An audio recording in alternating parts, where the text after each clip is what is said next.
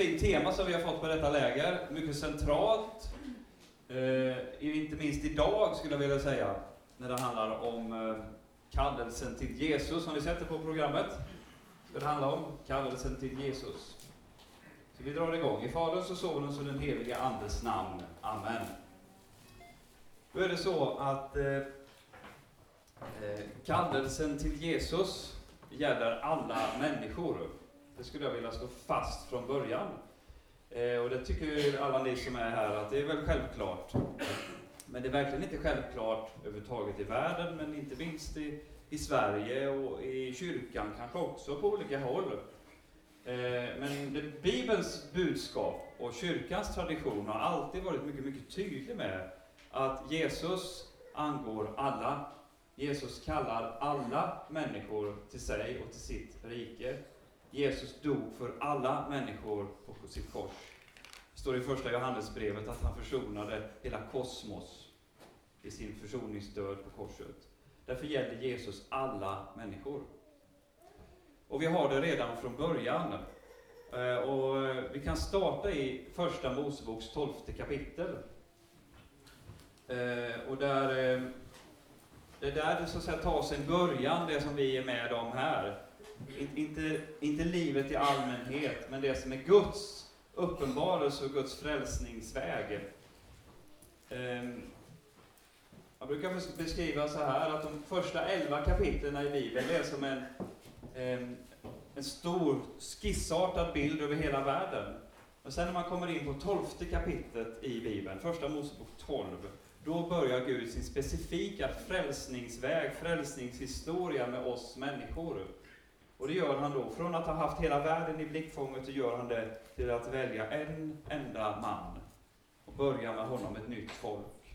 Och det är det Abraham, som sen blir Abraham, som vi känner, vår fader Abraham, som är urfadern till det judiska folket och också allt kristet folk.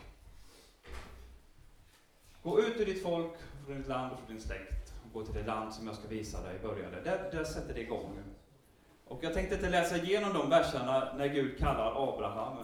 Men det sker något oerhört väsentligt om vi ska förstå kristen tro överhuvudtaget. När Gud kallar Abraham. Kan vi tänka, men gäller det inte bara judarna då? Nej, det gör inte det. För, eh, jag vet inte om du har försökt att förstå Bibeln ibland. Ibland går det att förstå, och många gånger går det inte att förstå vad som vill sägas. Tycker jag i alla fall. Jag begriper inte vad jag läst i min dagliga läsning, men det känns ändå bra att, att läsa det. Det är ju det är ett levande ord som, eh, som producerar liv i oss när vi läser det. Det är ett mysterium. Eh, men ett knep för att ändå försöka förstå Bibeln, det är att lägga ramen. Tycker du om att lägga pussel? Eh, det är väldigt roligt att lägga pussel, fast det tar lite tid. Jag var tjänstledig i vintras och läste böcker. Jag gjorde ett break. Jag läste Fornkyrkan. Men när det blev lite torrt så gick jag ner till mitt pussel. Jag kan säga att det var de dagar då pusslet tog mer tid än Fornkyrkan. Men det var också många, många bitar. Och jag brukar alltid börja med att lägga ramen omkring, så kan man få lite struktur på det. En väldigt viktig ram kring bibeltexten, Bibelns uppenbarelse, det är eh, förbunden. Och då är det förbunden i pluralis. Det finns flera förbund i Bibeln som knyter ihop, knyter an till varandra och sätter in oss i rätt skeende. Det förbund som du och jag eh, lever i, det är eh, kyrkans förbund, dopets förbund i Kristus. Men det här förbundet som vi börjar med nu, det är Guds förbund med Abraham, Abrahamsförbundet. Och det är utkårelsen. Där Gud utkårar Abraham och hans säd och det folk som kommer till sitt egendomsfolk för evig tid. Det judiska folket är fortfarande Guds egendomsfolk och kommer så vara, för Gud tar inte tillbaka sina gåvor och sin kallelse. Det judiska folket är kallat av Gud och kommer vara hans folk på ett speciellt sätt inför honom. Och då i dessa verser i första Moseboks tolfte kapitel så finns det tre löften som Gud ger till Abraham.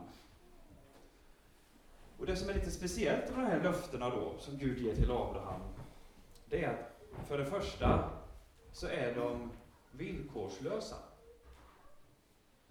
Det spelar ingen roll vad Abraham säger, vad hans familj och hans folk gör, hur de än beter sig, så är de ändå hans folk. Sen kan det vara så att på grund av orättfärdighet och synd så förlorar de välsignelsen av att ha detta löfte. De förlorar allt, allt gagn de kan få att, att tillhöra Gud i ett förbund. Så kan det vara. Men löftet står fast. Är du med på skillnaden? Det är väldigt viktigt. Förbundet står fast. Om en mor skulle glömma sina barn, säger Saltaren, så skulle jag aldrig glömma dig, Israel, säger Herren. Så länge solen skiner på himlen och månen lyser om natten så ska mitt förbund inför dig bestå. Och mina vänner, solen skiner idag, fast vi ser den inte. Månen skiner i natt, fast vi såg kanske inte den. Förbundet ligger fast, är med? Då är det väldigt intressant, vilka tre löften är det då som är villkorslösa? De var villkorslösa för det första, och för det andra så är de eviga. De har inget bäst före-datum.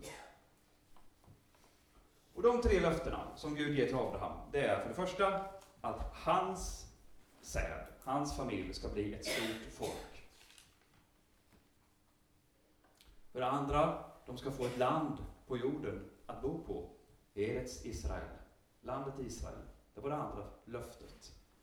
Det tredje löftet är, och då kommer vi in på dagens ämne, i dig, i din släkt, i din familj, någonstans i framtiden, i dig ska alla släkten på jorden bli välsignade. Alla släkten på jorden, alla människor på jorden ska bli välsignade i dig.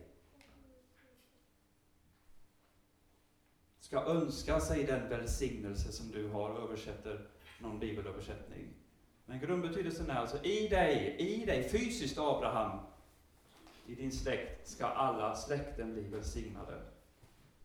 Där ligger löftet som gäller hela världen, eller hur? Det står så, alla släkten. Det måste väl betyda alla, om vi ska förstå svenskan här. Så det är grundlöftet. I Abrahams släkt ska alla släkten bli välsignade. Och då är vår tro att eh, att denne, den välsignelse som då kom, det är Jesus Kristus, eftersom han föddes i denna släkt. Han föddes av en judisk mor, en judinna, i ett judiskt samhälle. Han omskars på åttonde dagen och firade sin sabbat. Han levde i Israel, firade högtiderna i templet. Allt det här som då detta folk fick bära med sig som ett liv, som en uppenbarelse ifrån Gud. Det levde Jesus i. Han var ett barn av sitt folk. Det är därför vi kan läsa så obegripliga texter i Gamla Testamentet, där vi tycker att det verkar som att Gud har favorit. Var, varför ska han beskydda Israel där, men ni, och de får gå till spillo? Alltså det är så mycket grymt, och vi begriper det verkligen inte fullt ut. Men en nyckel till att förstå sådana här sammanhang, när det hela tiden slutar med att Israel blir bevarat, varför är det så viktigt? Jo, för att i Israel ligger löftet bokstavligen nedlagt. Och om Israel dör, då dör löftet. Därför måste Israel bli bevarat. Är du med vad jag menar?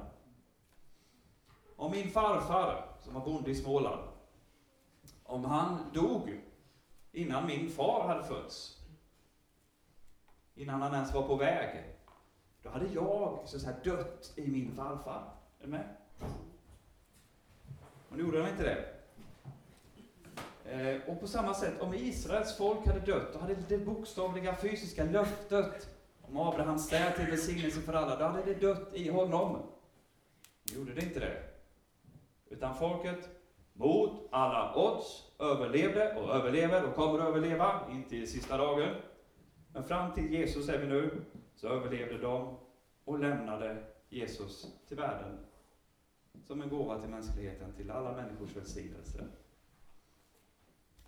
Jesus gäller alla människor. Och eh, vi kunde väl ta som ingångsord eh, från Jesaja 43. När det gäller kallelsen.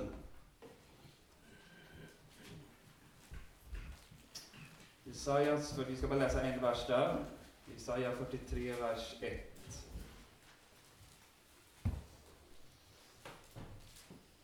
Men nu så säger Herren, han som har skapat dig Jakob, han som har danat dig Israel.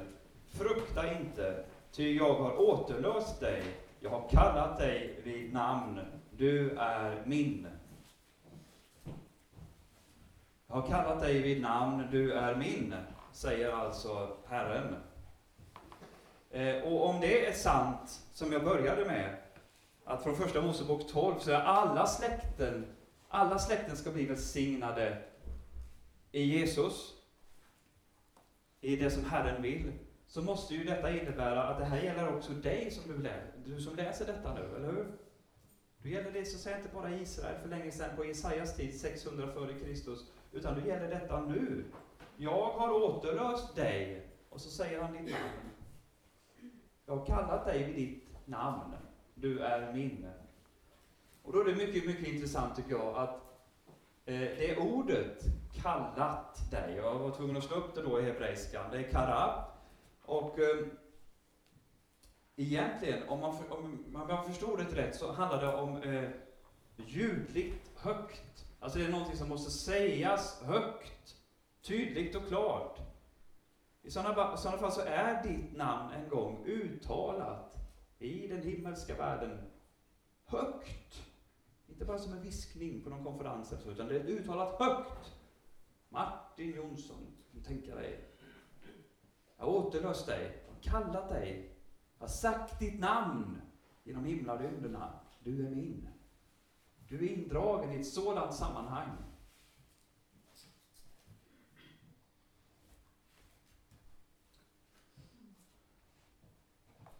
Så var det då när Jesus kom. Och Jesus, eh, han, eh, efter, efter att han hade stigit fram i offentligheten så startade han sin så att säga, bas, sin verksamhet i den lilla judiska byn Kafarnaum. Kafarnaum, vid Genesarets strand. Eh, och där började det med att han kallade människor till sig. Och det är kanske bland det mest välkända i Nya Testamentets berättelser om Jesus. Hur fiskarna står vid stranden och hur Jesus kommer gående och säger Följ mig. Kom med mig. Kom och följ mig. Så där, där kommer kallelsen, ända från Abrahams då, traditionen. Alla ska bli välsignade. Jesaja-texten, jag har kallat dig vid namn. Och så kommer Jesus själv gående. Kom och följ mig. Du och jag, tror jag vågar säga, i alla fall de flesta av oss, blev kallade vid ett annat vatten än Genesarets sjö. Vi blev kallade vid dopets vatten. Ta emot korsets tecken på din panna, på din mun och på ditt hjärta. Jesus Kristus, din frälsare, kallar dig att vara hans lärjunge. Känner du igen det? Har du varit på dop någon gång? Kallar dig att vara hans lärjunge. Du är kallad. Ditt namn är sagt. Han kallar dig in i gemenskap med honom. Och då kan det där vara lite olika lätt att ta till sig. Det kan vara lite olika lätt att eh, ja, lyssna till. Nu ska vi möta en som blev kallad av Jesus, som heter Levi. Lukas 5.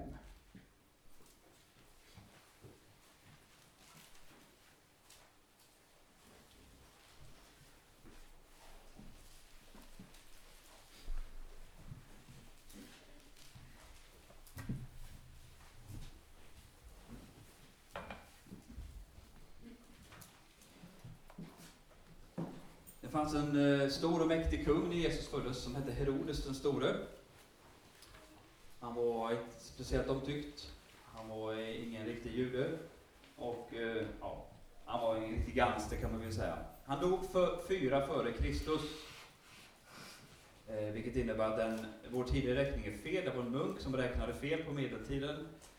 Eh, eftersom Herodes var ju med vid Kristi födelse, barnamord under detta kommer ni ihåg. I vilket fall, när Herodes den store dog, fyra före Kristus, då delades hans domäner upp i lite olika områden. Och det som vi idag känner som norra Israel, Galileen och omgivningen, eh, kom under styret av en annan Herodes. Mycket fantasi, han hette Herodes Antipas. Eh, och hans domäner tog slut då, ungefär där Jordan idag rinner ut i Genesarets sjö. På andra sidan var det en annan bror till honom som hade ansvar. Så om man var i det egentliga Israel under Herodes Antipas, så var det den sista byn som du kom in i, sista staden innan du skulle vidare, det var Kafarnaum. Och den första staden du kom in i, om du skulle in i Israel, var Kafarnaum. Ligger precis på gränsen, det är den stora, vi skulle säga idag, motorvägen, autobahn, autostradan, mellan Syrien och så ända ner mot Medelhavet och vidare mot Egypten. Det var en väldigt viktig väg, livlig trafik. Mycket olika människor som färdades fram och tillbaka. Det var en riktig pulsåder. Det ström av människor, ungefär som Veddige. Kör förbi. Väldigt mycket ström av människor hela tiden. Många olika typer. Och där får vi förstå att då, där står de upp en liten tullstation. Och där är det då en man som heter Levi som har ansvar för denna, detta tullhus. Eh, publikan står det i folkbibelns översättning. Det, det måste jag fråga någon i folkbibeln varför de valde det gamla ordet och ha kvar det. Tullindrivare vet alla vad det är.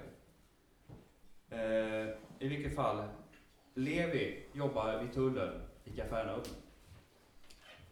Eh, det finns ett problem med det Eh, eftersom eh, tullen liksom styrs av den romerska ockupationsmakten. Så den som jobbar där, han har samröre med regeringen, med de avskydda och Herodes också. Herodes Antipas, förstår ni? Han var väldigt illa omtyckt politiskt. Det innebar att han också rörde sig bland icke-judar, vilket gjorde att han var eh, rituellt oren många gånger. Alltså han kunde inte gå in i synagogan hur som helst och fira eh, högtiderna. Eller han, han hade beblandat sig med hedningar, så han var liksom rituellt liksom, oren också. Och så moraliskt, hur var det nu? Tog han ut rätt tull? Var det rätt? Eller stoppade han i egen ficka? Ja, vi vet inte. I vilket fall, han var väldigt, väldigt, väldigt illa omtyckt. Då är det lite speciellt med hans namn. Han heter Levi. Det heter min son också. Och eh, när han skulle döpas så fick vi reda på vad hans namn betydde. Det visste jag inte innan och det var faktiskt väldigt fint. Det betyder att hålla, hålla sig nära Herren. Och då förstår vi leviterna. Det var ju deras uppgift i Gamla Testamentets tid och in i Nya Testamentet. Leviterna, prästerna och leviterna, de skulle hjälpa Israels gudsfolk att hålla sig nära Herren. Så det var deras namn betyder, levit, att hålla sig nära Herren. Så var det inte med Levi tullindrivaren. Han höll sig inte nära Herren och hans bud, utan det var precis, precis tvärtom. Ja, så är det. Han sitter där i tullen och han tar emot människor och man kan tänka sig mycket vrede han tar emot dag efter dag. Jag tänker på, tänker på parkeringsvakt. Kanske någon som är här? Gud välsigne dig. Eh, hur mycket spott och spe som man får ta emot bara för att man gör sitt jobb. Oftast har man ju parkerat fel om man får en bot, inte sant? Kanske är det lika, lite likadant med Levi, att dag efter dag få ta emot människors vrede och ilska. Och då är det på en helt annan nivå också. Det handlar ju om, om livet, samhället, ockupationen, vad du vill. Och så läser vi Lukas då, kapitel 5, vers 27. När Jesus sedan gick ut såg han en publikan som hette Levi sitta vid tullhuset. Han sa till honom, följ mig. Här kommer då en, eh, en man som säger någonting annat än alla andra. Inga svordomar och förbannelser och vad det nu är. Sätta igång och pruta. Säg bara följ mig.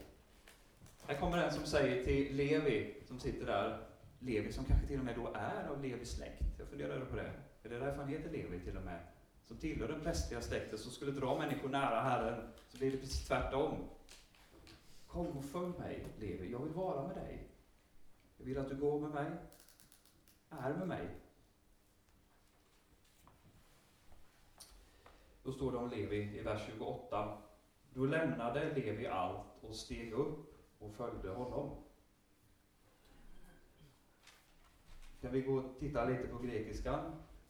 Det är, eh, det är ganska spännande ibland att titta vad orden, vad orden säger. Det är översatt att Levi lämnade allt, och det är nog mycket riktigt att så ska det vara, men om vi tar lite synonymer till det där ordet, kataleiko, att lämna allt, så är det alltså att lämna bakom. Man lämnar det gamla bakom sig. Eller försakar. Han har ju ändå någon form av ställning, han tjänar lite pengar. Levi försakade allt. Ordet kan också betyda sluta. För de flesta av oss, om man blir en kristen, innebär det att man ändå fortsätter med sitt yrke och jobbar på. Försöker leva sitt kristenliv i där man är. Men för någon, en och annan, innebär det att man måste sluta, man måste bryta med det man står i för att börja på någonting nytt. Man måste lämna bakom. Och det behöver inte handla om yrke heller, utan det kan vara andra saker som jag mycket, mycket medvetet eh, och konkret behöver lämna bakom.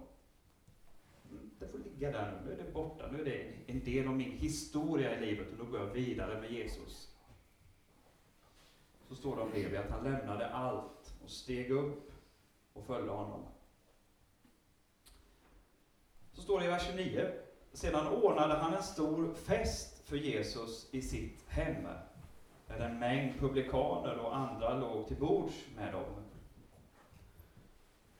Och här har vi också ett nyckelord, nämligen att Levi bjuder in Jesus till sitt hem. Eh, hemmet är vår borg. Det är där vi stänger om oss och där vi får ha, ha varandra och vi får rå om och vi sköter och vi... Jag köpte ett hus för ett par år sedan, jag hade ägt ett hus, jag förstår att det är väldigt, väldigt mycket att greja. Jag har snickat carport hela semestern, det var jätteroligt. Ehm, man lär sig en del. Man får se om sitt hus, det är det som vi så att säga, sköter om, som ligger väldigt nära oss. Levi bjuder hem Jesus till sitt hem. Ibland kan det faktiskt vara så att vi vill hålla Jesus på avstånd och det kan också gälla dig och mig som har gått med Gud ett tag, om du har gjort det. Att eh, det är, eh, man lever ut sin tro i kyrkan och församlingen, på läger och i andra sammanhang. Men när man kommer hem så är det som att man, ja men där, där lämnar jag det lite. Det, får inte vara, det blir inte samma, det får inte komma hela vägen in. Det kan handla om att man har olika tro rakt in i familjen. Får vi ha respekt för det och det gäller att hantera. Speciell bön och välsignelse om man lever i sån situation. Men även om man delar tron så kan det ibland vara det kan vara lättja, men det kan också vara det här, ska vi tala andliga ting, ska vi be tillsammans eh, när vi har bråkat för en stund sedan? Alltså hur, hur, hur funkar det? Hur kan vi få ihop detta? Men det är aldrig så i Bibeln att Jesus hålls ifrån hemmet, utan Jesus bjuds hem hos Lev och i många, många andra sammanhang. Han bjuds hem. Är du med vad jag menar? In i hjärtat. Och då kan det väl handla om enkla saker som att man kanske ändå försöker tacka Gud för maten, man, man ber sin aftonbön och ja, mycket, mycket enkla men konkreta, och, tror jag jätteviktiga saker. Inte bara på entusiasm, utan på rutin. Konkreta saker in i hemmet. Okej. Okay. Och blir det då lite kritik mot det här partyt? Den här festen, det kan betyda också reception, alltså mottagning. Eh, det är som öppet hus kan man säga. Så det är lite kommer lite olika folk här då, och så blir det kritik mot vilka som är där. Vers 30. Fariséerna och deras skriftlärda kritiserade hans lärjungar och frågade Varför äter och dricker ni tillsammans med publikaner och syndare? Jesus svarade dem Det är inte de friska som behöver läkare, utan de sjuka. Eh, strålande av Jesus, som så många gånger. Vad är det han säger? Ja, i grunden förstår vi det. Eh, man går till doktorn om man är sjuk. Om man är frisk så behöver man inte doktorns hjälp. Det är det Jesus säger. Men här är det väldigt intressant då vad, vad grekiskan säger. Det grekiska ordet för, eh, som översätts då med frisk, det kan betyda sund, stabil, hälsosam. Den som är sund, och stabil och hälsosam, som träffas klockan sju, ute och springer kanske. Eh, jag skulle varit där, men klockan ringde inte. Det är sant. Fast jag hade inte ställt klockan till dig för sig. Jag hade ställt klockan till, eh, till, till Laudus, men det gick inte det heller. Eh, sund, stabil, hälsosam. Om vi går på Matteus-varianten av samma text så använder han ett ord som kan översättas med Eh, de friska, de effektiva, de starka. Är du med? Då får vi ganska bred perspektiv vad det här ordet betyder. Det är inte de sunda, stabila, hälsosamma, starka, friska, effektiva som behöver Jesus. Utan de sjuka. Vad betyder det då? Eller vad, vad kan det ordet översättas mer med? Kakos, sjuk. Jo, det är de, de behöver Jesus som är förstås sjuk då, bedrövlig, hopplös, olycklig. Det som inte hittar sin plats. Med mera, med mera. Det är de bedrövliga, de hopplösa, de olyckliga, de som söker sin plats. De sjuka förstås. De är elaka. De som gör fel. De behöver en läkare för att bli hela. Visst är det intressant? Otroligt brett. Vi går ner i texten. Och då tänker jag så här, att visst är det intressant ändå att vi, att när vi ska till, i alla fall funkar jag så, jag, jag kan nog uppleva att det kan vara som en del andra också, jag vet inte om du känner igen dig, men när man ska till doktorn och gå till vårdcentralen så funderar man kanske ett par gånger extra, är jag tillräckligt sjuk? Har jag haft ont i halsen tillräckligt länge? Är det värt att sitta på akuten i en vecka här nu då? Eh, för detta? Är jag tillräckligt sjuk? Det är en ganska bra fråga att ställa sig, eller hur? Eh, men när vi ska till Jesus så gör vi ibland tvärtom. Nej, jag var inte så dålig.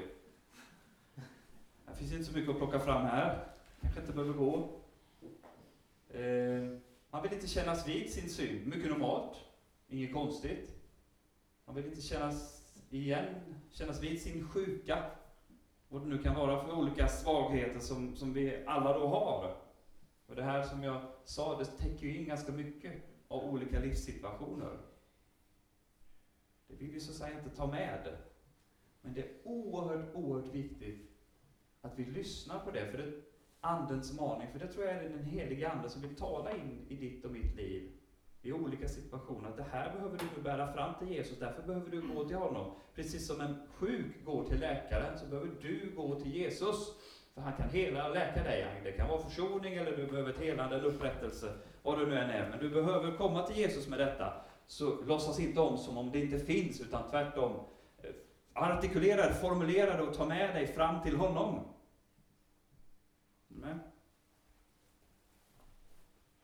Det är enormt viktigt att, att vi gör det, för gör vi det inte, då kan vi inte bli helade. Alltså då kan vi inte bli frälsta. Då kan inte din själ bli frälst. Om inte du bär fram det till honom. Om jag sitter hemma med en sjukdom för vilken jag behöver läkarvård och inte går till läkaren, då blir jag ju inte frisk. Då sitter jag ju där. Jag måste gå till läkaren för att få bli frisk. Det är på det personliga planet. Vi måste gå till Jesus med det. Om vi tar på det mer sociala planet, församlingen, där vi lever vår tro tillsammans. Om vi inte går till läkaren med det vi behöver, då skapar vi en miljö i församlingen av kärlekslöshet och yta, skulle jag vilja säga. Så det är inte så bra. Det är bättre att vi går till läkaren som finns där för oss. Ja, det var Levi. Och han tog emot Jesus. För att han hade inte speciellt mycket att förlora. Men det har en annan man som vi ska möta nu. Då går vi till Matteus. Matteus 19.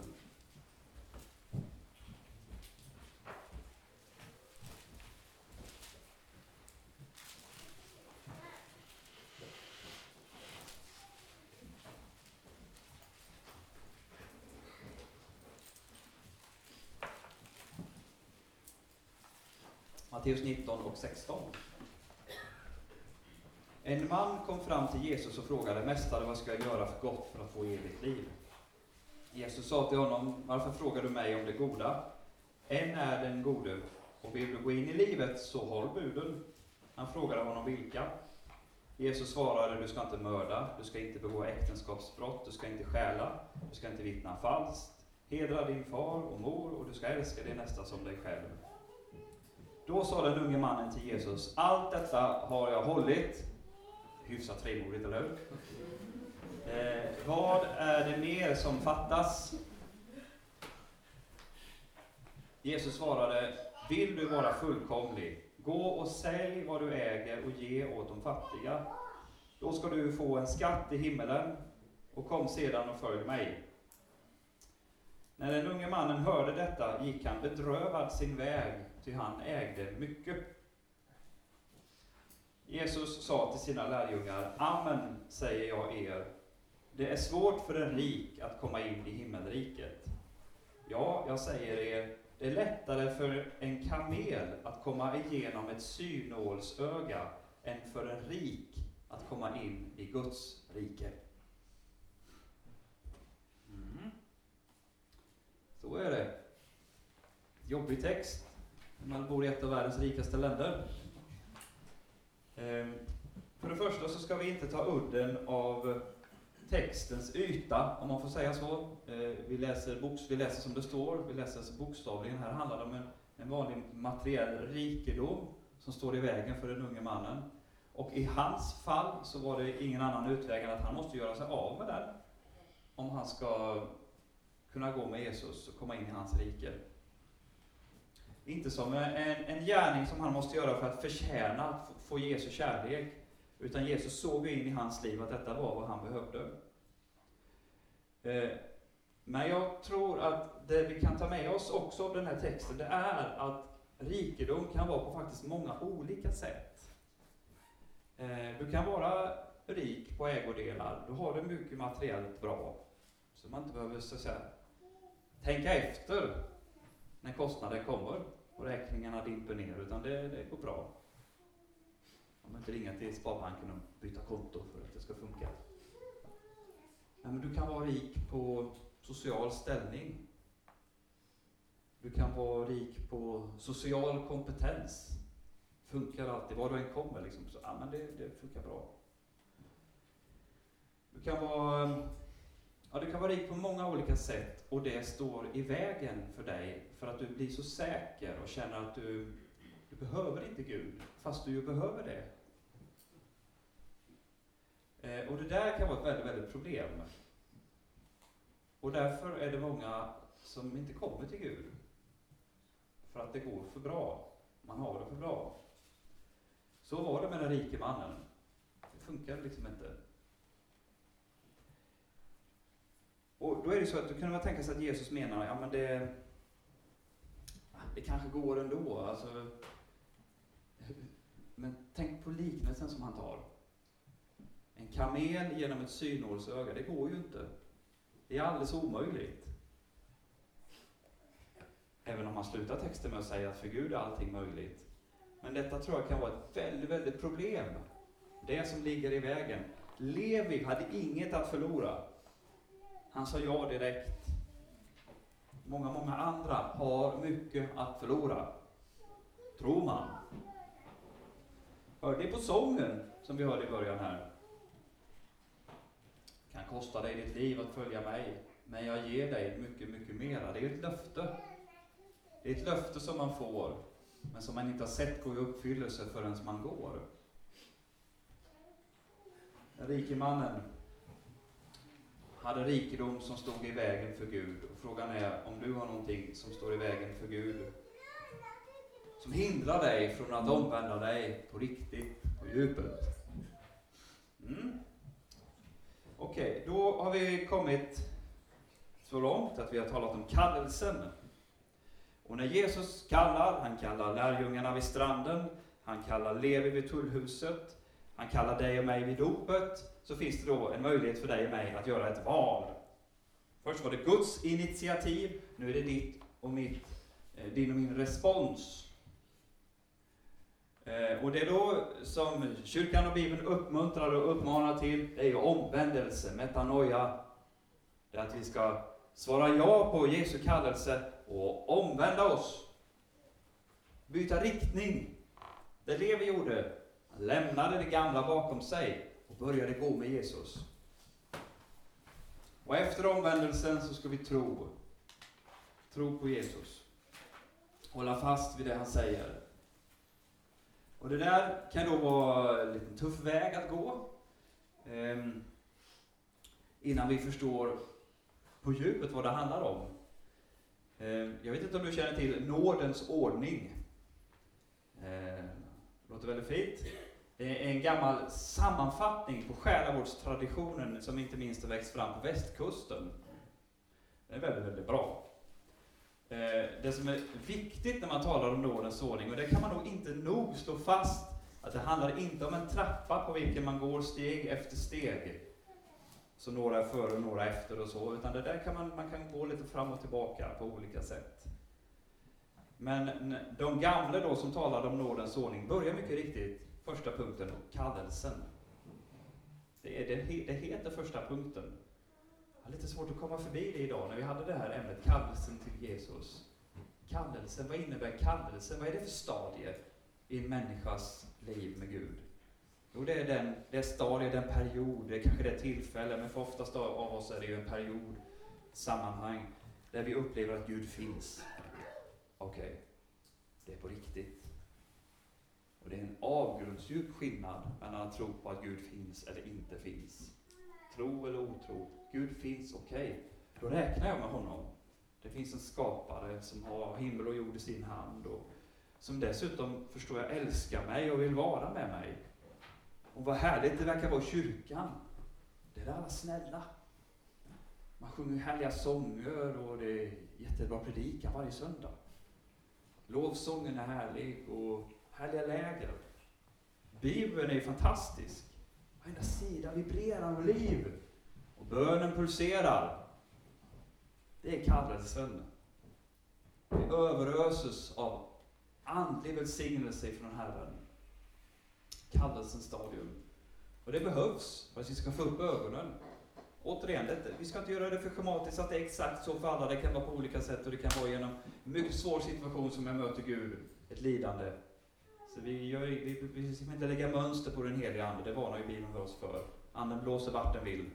Men ändå här finns på något sätt en sammanfattad erfarenhet. Som för många can make sense, som man säger då. Och efter kallelsen så kommer något som heter upplysningen genom lagen. Låter inte lika roligt.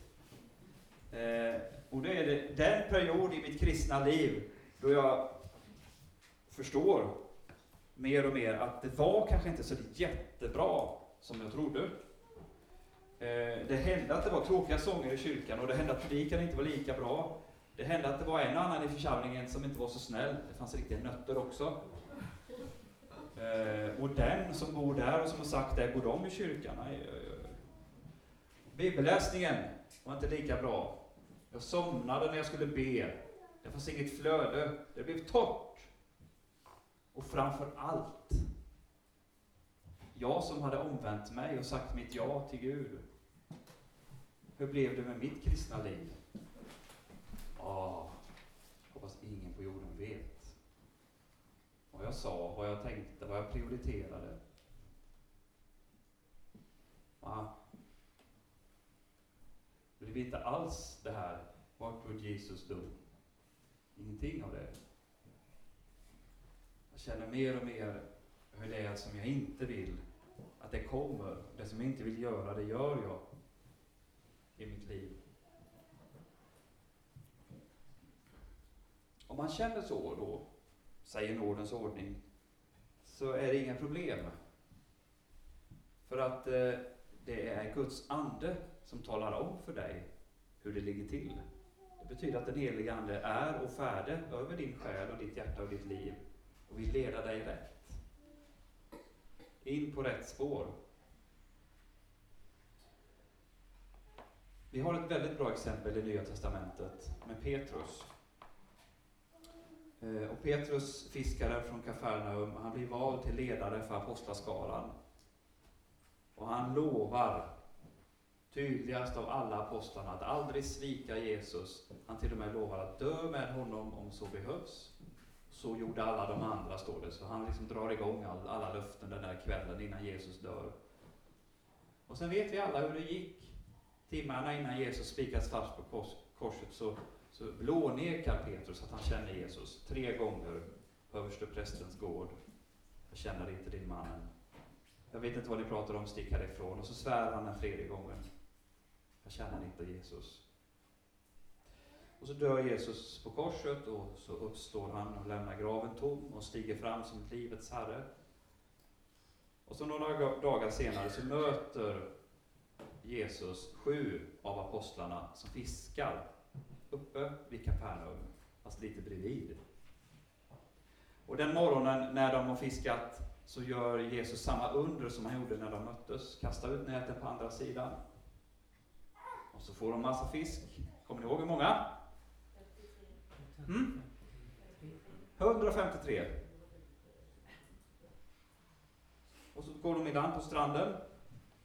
Och vi har varit där tillsammans, några av oss, vid den stranden. Traditionen pekar ut ganska entydigt var den platsen är. Och där står Jesus och gör frukost till dem. Han steker fisk. Eh, och efter att de har ätit så får Petrus ett eget möte med Jesus. Kan vara så att detta är den första gången då Jesus och Petrus får talas vid på tu man hand efter att Petrus har förnekat att han känner Jesus. Ska vi gå till texten? Johannes evangeliet 21.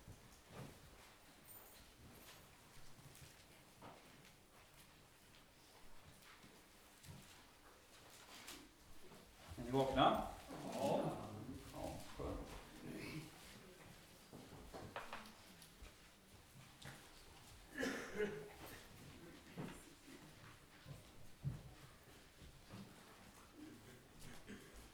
Mm, Johannes 21, 15. Eh,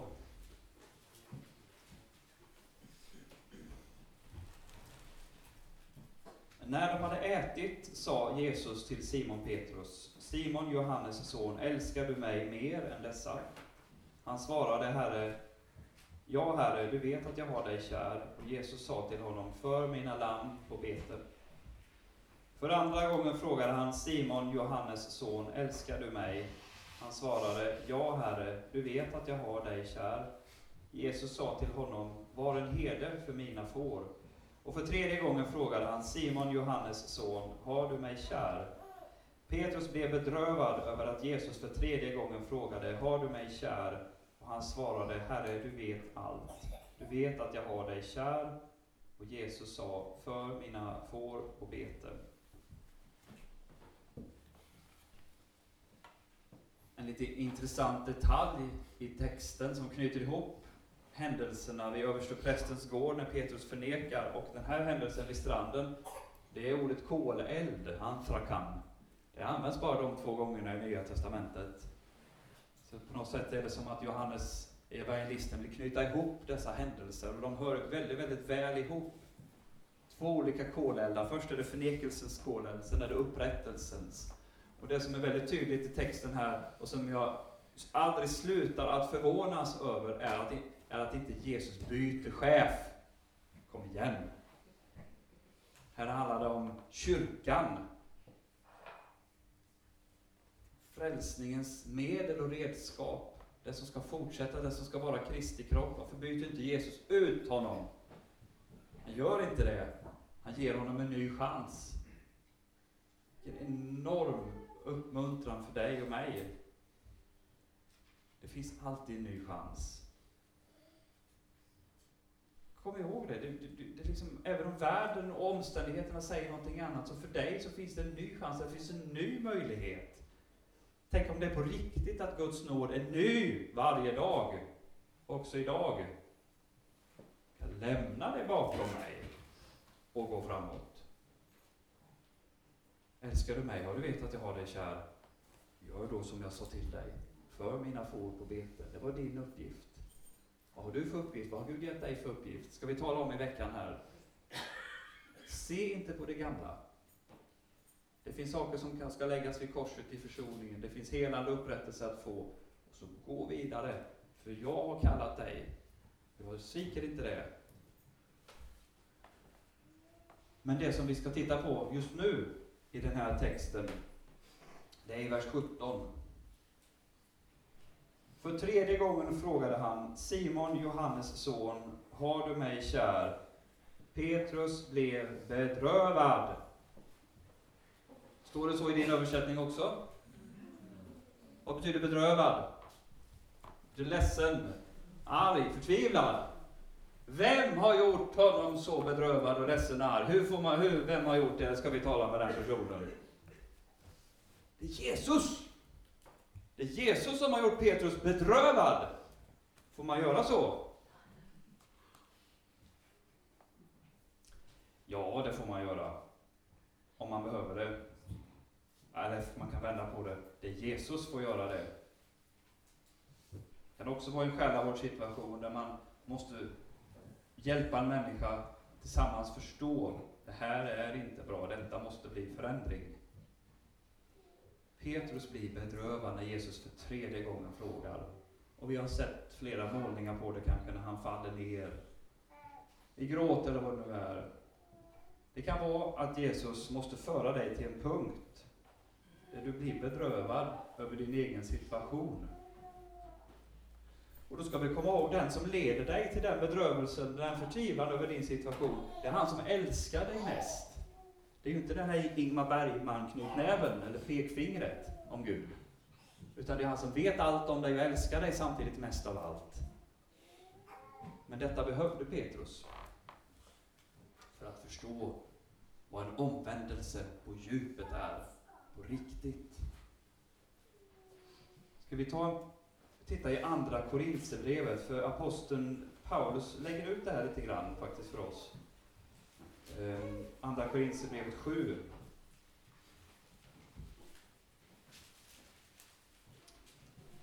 Då är det inte just den händelsen, utan då är det aposteln Paulus som har haft, eh, skulle jag tro, inte någon sån här eh, sam ingen plyschpredikan om man säger så. Det har varit lite hej och hå. Jag läste, när jag läste till präst så skrev jag uppsats om, eh, jag skrev om predik och olika predikningar. Då var det en stor predikant i Växjö stift som hette Peter Lorenz Sellegren. Han predikade på julottan i Växjö domkyrka 1811 med ämnet ett Helvetets eld brinner tätt. Så det är olika vad vi lägger fram nu när församlingen kommer på jul.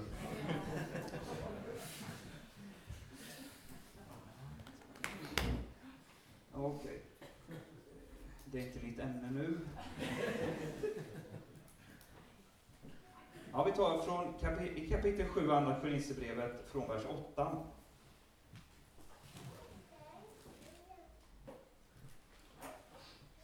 Ty även om jag gjorde er bedrövade med mitt brev, får vi alltså, han har skickat ett, ett brev hyfsat skarpt då, får vi gissa. Så ångrar jag det inte nu. Hoho! Det är, kan jag säga bara tala till mig som när jag ibland förkunnar. Det är så lätt att backa, säga, ta udden av det som, som är sagt. Alltså, ibland säger man saker som är dumt, absolut, och ska man be om förlåtelse och så. Men ibland säger man skarpa saker som är sant, som är riktigt. Så ångrar jag det inte nu, det gjorde inte Paulus. Först ångrade jag mig eftersom jag såg att brevet gjort er bedrövade, om än bara för en tid. Det gick över hos Paulus tydligen då. Men nu gläder jag mig, inte därför att ni blev sorgsna, utan därför att er sorg ledde till att ni ångrade er. Det var ju efter Guds vilja som ni blev bedrövade, och därför har ni inte lidit någon skada genom oss. Ty en sorg efter Guds vilja för med sig en ånger som man inte ångrar och som leder till frälsning. Och det är visst, det är lättare sagt än gjort givetvis. Eh, men det här är situationen. Paulus har skrivit ett brev med skarpa ord, för de behövde bli bedrövade och ångra sig. Och min poäng är här inte då kanske någon specifik grej, även om det kan vara detta, utan det handlar om kallelsen.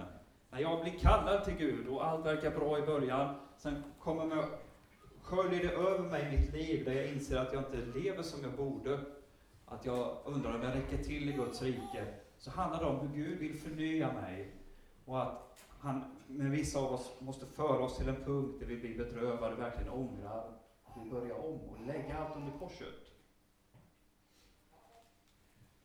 Så är det. Det är bra. Kan vi fortsätta lite till? Eh, för då är det så att vi... Eh, jag, jag stannar där med den personliga kallelsen. Och sen ska vi in på eh, kyrkan. För vi är då inte kallade eh, enbart till en personlig relation med Jesus. Utan vi är kallade in i kyrkans gemenskap som kristna. Jesus kallade inte bara en lärjunge, han kallade flera. De var en gemenskap från allra första början. Så var de i ett sammanhang. Och eh, det som blir tydligt i Nya Testamentet är att eh, precis som Gud kallar ett folk, så kallar han i Kristus ett folk. Guds folk, kyrkan. Och då är det så att, eh, jag vet inte om du har sett på någon rubrik någonstans, jag tror att det står kallade ur världen. kan man haja till för och läste det någonstans?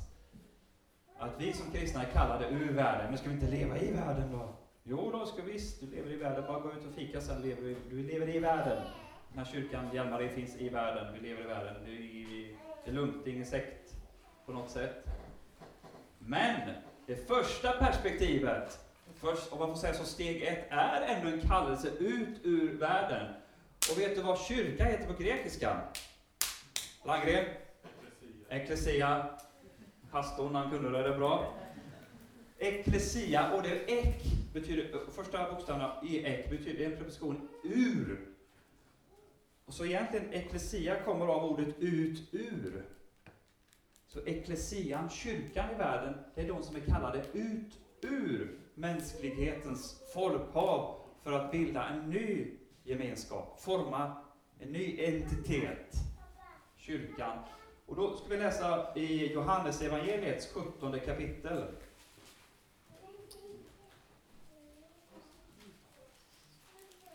Johannes 17, då är vi i avskedstalet. Och eh, då kommer vi rakt in i den längsta sammanhängande bönen av Jesus som finns bevarad. Johannes 17, hans överste prästerliga förbön. Och då står det då i Johannes 17, Jesus, vi hamnar i bönen, Jesus talar med Fadern. Johannes 17 och 6. Jag har uppenbarat ditt namn för de människor som du har tagit ut ur världen och gett mig. Det var inte bara någon fiffig rubrik på ett föredrag, det stod till och med i Bibeln. De människor som du har tagit ut ur världen och gett mig, de var dina och du gav dem åt mig och de har hållit fast vid ditt ord. Här, vid det specifika tillfället, talar Jesus om de första lärjungarna. apostlarna som ligger samlade vid bordet. Vi kallar det ut ur världen. Och då tar vi en text också från tredje Mosebok. Får vi lite parallell till detta. Tredje Mosebok 20 och 26.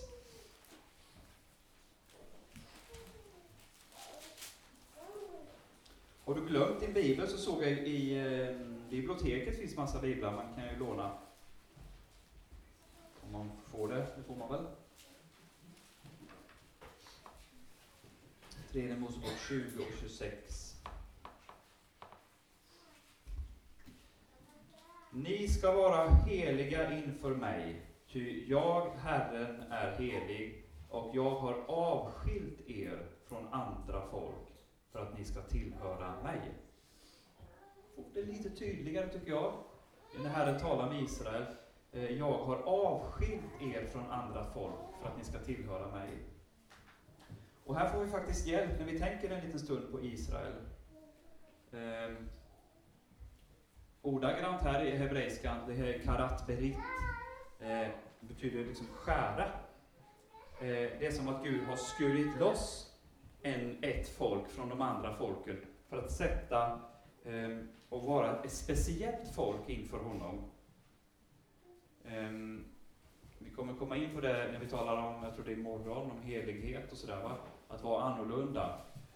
Uh, men min, men, min poäng här är alltså att, att vi kallade ut ur folkhavet avskilda som, som kristna. Och då skulle jag vilja sluta med att, eh, att titta på en text till. Ehm, om vi går till Kolosserbrevet, tredje kapitlet.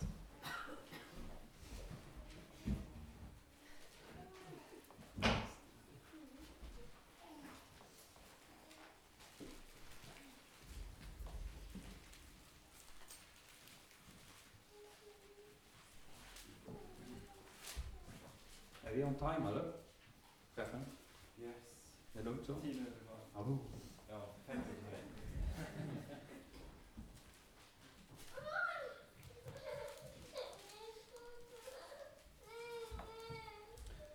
När vi, när vi talar om kyrkan och när vi talar om att vara avskilda eh, som, en, som en speciell grupp människor här på jorden, eh, så blir det ofta ganska lätt att vi går över i att tala om funktion. Vad vi ska göra då som detta folk.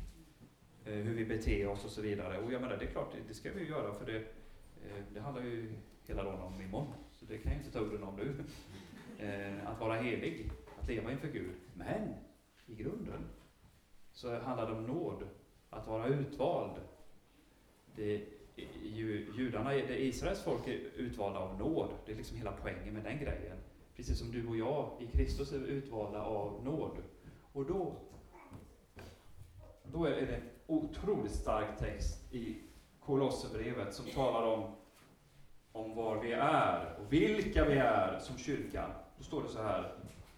Kolosserbrevet kapitel 3. Då ni alltså har uppstått med Kristus. Eh, när, när gjorde vi det? Som uppstått med Kristus här? Dopet, ja. Dopet, och när vi har tagit emot det i tro så har vi uppstått med Kristus. Sök då det som är där ovan, där Kristus sitter på Guds högra sida. Tänk på det som är där ovan, inte på det som är på jorden. Inte på kaffet alltså just nu då. Ty ni har dött och ert liv är dolt med Kristus i Gud. Vers 3 tar vi en gång till. Ty ni har dött och ert liv är dolt med Kristus i Gud. Var är Jesus nu? Kom igen. Var är Jesus? Är det någon som vet? Han är i himlen. Med den kropp som Maria gav honom så är han upptagen med sin uppståndelsekropp och sitter på Faderns högra sida. Om han inte har rest sig för att han är på väg. Det vet vi ju inte. Mm. Och samtidigt så är du och jag hans kropp på jorden. Här finns en mystik som vi då inte kan förstå. Men det som händer i dopet, och det faktiskt mellan pusselstunderna i vintras när jag läste fornkyrkan så blev det tydligt för mig att dopet var enormt mycket större och viktigare än vad vi kanske talar om idag. I fornkyrkan, de allra första kristna, dopet var så centralt. Och det man menade då var att i dopet, så visst, du får försoningen, du får förlåtelsen, du får anden och allt det här. Men i grunden så är det att den som döps dras in i Kristus. I hans uppståndelsekropp. Dras in i det liv som finns i Jesus. Och om man drar det vidare så handlar det om att du dras in i treenigheten, Fadern och Sonen och Anden och den kärlek som finns där. Det är ju Anden som har dratt dig till Jesus, och så är det Jesus som har dragit dig in i Fadern och den kärlek som finns där. Det är det som är dopet, du dras in i Kristus, och det är liv. Ty ni har dött och ert liv är dolt med Kristus i Gud. Indragna in i Kristi kropp. Det är det, att, det är det det innebär att säga ja på kallelsen till Jesus. Inte bara, om man nu får säga bara i detta sammanhang, det är inte bara då att, att jag har sagt ja till Jesus och fått mina synder förlåtna och kan gå med honom. Utan du är indragen i Kristi kropp. Tänka dig det. Och dela det himmelska livet. Det känns inte så alltid. Nej, det gör det ju verkligen inte. Men du är där. Du är där hos honom. Och därför finns det anledning att fundera, meditera och söka det. Och då kan vi väl bara då titta på det grekiska ordet. Eh, där det står i vers 1 i kapitel 3. Sök då det som är där ovan, alltså där Kristus sitter och där du finns med din själ. Septeite på grekiska. Då betyder det sök, titta efter, var på vakt för. Eller ansträng slash bemöda er efter. Alltså det, det, det är givet dig av nåd, och finns där. Men sök efter det då. Alltså titta, vad har jag då?